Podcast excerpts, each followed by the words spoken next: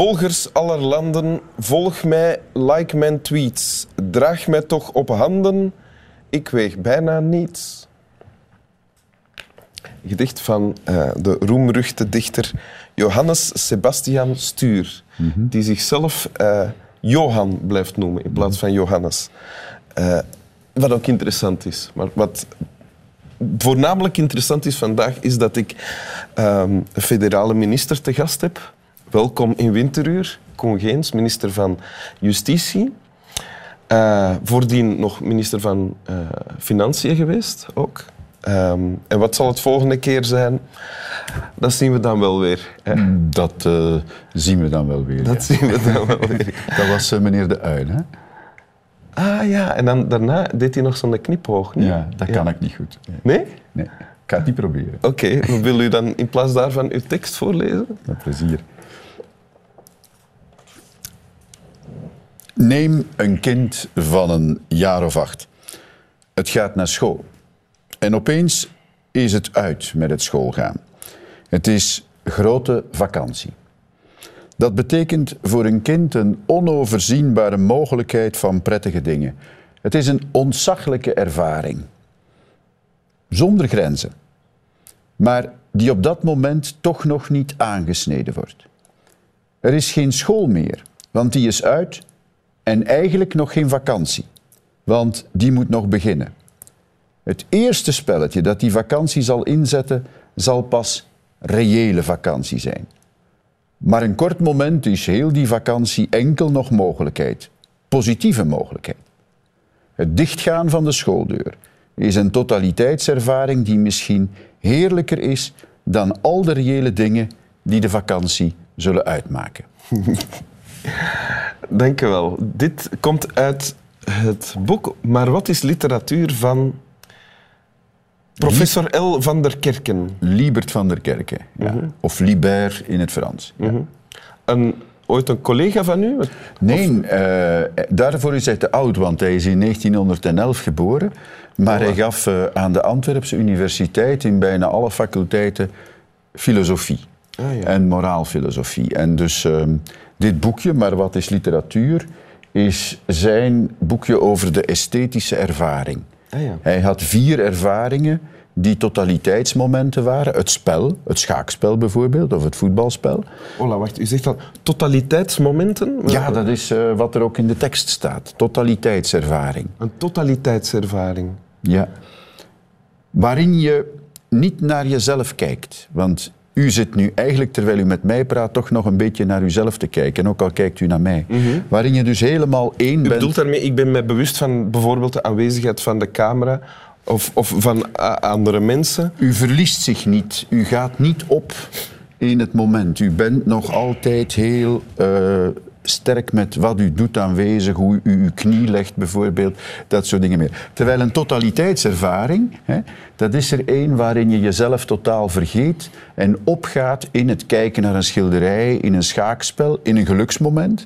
Of uh, zei Van der Kerk ook in een religieuze ervaring. Maar dus die opbouw was zo mooi voor jonge studenten dat hij zei: kijk, het spel, het gewone spel is een totaliteitservaring. Want een kind, maar ook een volwassene, kan zich in het spel totaal vergeten en komt daar eigenlijk met meer energie uit dan hij erin is gegaan. Ja. Want op het moment dat je niet meer bezig bent met jezelf, uh, is het leven een stuk makkelijker. Ja.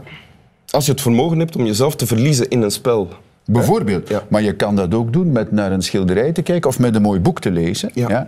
En uh, wat zo mooi is ook in dat citaat, is dat hij zegt dat het verlangen eigenlijk belangrijker is in vele opzichten dan de realisatie van het verlangen. Blijkbaar, ja. En want, dat gaat voor heel veel zaken op. Want voor de goede orde, dit gaat niet over dat kind van een jaar of acht, dit gaat over een staat van zijn. Ja. Waarin bijvoorbeeld dat kind zich bevindt wanneer het weet dat de vakantie aanbreekt. Ja. Het is eigenlijk begonnen, maar, maar het is ook nog niet begonnen. Alle mogelijkheden liggen open. Ja. Is dat typisch voor een totaliteitservaring dan? Ik denk het wel. Het, het is een moment waarop je helemaal niet gefocust bent op uh, uzelf of op iets concreets dat je wil realiseren. Het is een moment waarop je eh, kan laten gaan. Eh, ik heb het zelf in een boekje dat ik pas geschreven heb, belangeloze aandacht genoemd. Het is Ja. aandacht, maar niet het soort aandacht om iets te studeren of om snel iets te verwezenlijken. Nee, gracieuze, gewone aandacht. Je zit op een bank, je ziet een vogeltje of je hoort iemand viool spelen en je zegt ai. Ja. En je vergeet alles en je gaat op in dat moment. Ja, bedoelt u met belangeloze aandacht aandacht die eh, niet noodzakelijk leidt tot eender welk doel? Ja, Ja. Ja. dat is het bijzonderste eigenlijk. Ja. Dat, je, dat je niet met die aandacht iets wil... Je wil misschien het spel wel winnen, maar vanaf het ogenblik dat spel competitie wordt, wordt het een heel ander verhaal. Ja, ja, ja. Want dan zeg je, oei, wat denkt het stadion nu van die gemiste kans? tuurlijk, ja, bijvoorbeeld. En eh, die staat van zijn is een staat waarin we bij voorkeur zo vaak mogelijk vertoeven. Ik denk dat als je eh, in een dag, hè, eh, zoals als wij erin lukken ons in dit gesprek te vergeten en niet te weten wie er allemaal naar ons zit te kijken, Ja. dan, ehm, ja, dan, dan gaan we vergeten dat het maar tien minuten mag duren. Maar dan wordt het vast een geweldig gesprek. Ja. En als je dat in een dag een keer of vijf, zes kan herhalen, eh, met allerlei dingen die je meemaakt, dan ben je s'avonds maar half zo moe. Niet dat dat de bedoeling is, maar het is wel iets dat je echt ontspant. Ja. Hoe doe je dat dan? Op een doordeweekse dag vol werk en... eh, je leert dat. Bijvoorbeeld die Van der Kerken, als je die zag wandelen over de straat. Ik was een jongen van 17 jaar toen ik daar les van kreeg. Ja. Die bewoog met zijn wandelstok op een heel bijzondere manier. Dat is natuurlijk niks voor u of voor mij, behalve als, we, als u op de scène staat. Of die gooide zijn hoed naar de kapstok. Of zijn sjaal. Ja? Van op een meter of twee. En die kwam altijd goed terecht. Dus die was heel de dag bezig met op een heel levenskunstige manier bezig te zijn. En je zag daaraan dat hem dat gelukkig maakte en aandachtig zonder dat hij. Want als heel eh, rijke, wijze filosoof, eh, rijk van geest, rond u 65, eh, lesgeven aan snotneuzen van 17. Eh, ja, daar moet je wel belangeloze aandacht voor hebben. Hè? Ja. En dat had hij. ja, grote... Hoe zei je het daarnet? Levenskunstige Wijze, ja. wijze. Ja, Ja. Maar bent u vandaag al in die staat geweest? Ehm, Eh, nu wel, ja. Ja? Ja, ja, ja. Ik heb nu een heel eh, leuk moment, maar tot, tot daarnet niet. Oh ja. Ja. Hoe is dat dan veranderd? Of. Ik vind dit een heerlijk gesprek. Oké, dat gebeurt gewoon. Het is niet dat u daar iets voor doet? Nee, of dat... nee, nee, nee. Ah ja. Maar u bent geen onaangenaam gesprekspartner. Dank u wel. Ik denk dat de aanwezigheid van de nog niet vernoemde hond er ook toe bijdraagt. Om eerlijk te zijn, wat mij betreft niet, maar eh, Nee? nee. nee, Oké. nee. Ja. Maar het zou kunnen natuurlijk voor iemand anders. Ja. Ja, oké. Wil u de tekst nog eens voorlezen? ja. Uit het boek, ja. Neem een kind van een jaar of acht. Het gaat naar school.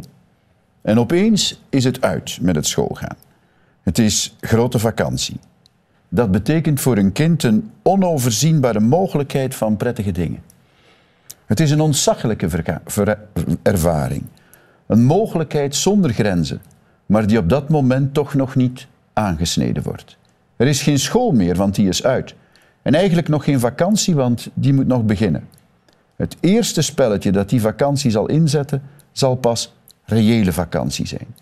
Maar een kort moment is heel die vakantie enkel nog mogelijkheid. Positieve mogelijkheid. Het dichtgaan van de schooldeur is een totaliteitservaring. Die misschien heerlijker is dan al de reële dingen die de vakantie zullen uitmaken. Dank u. Slaap wel. Ik weet ook niet wat dit betekent. Maar het voelt als een soort closure. Hè? Ja.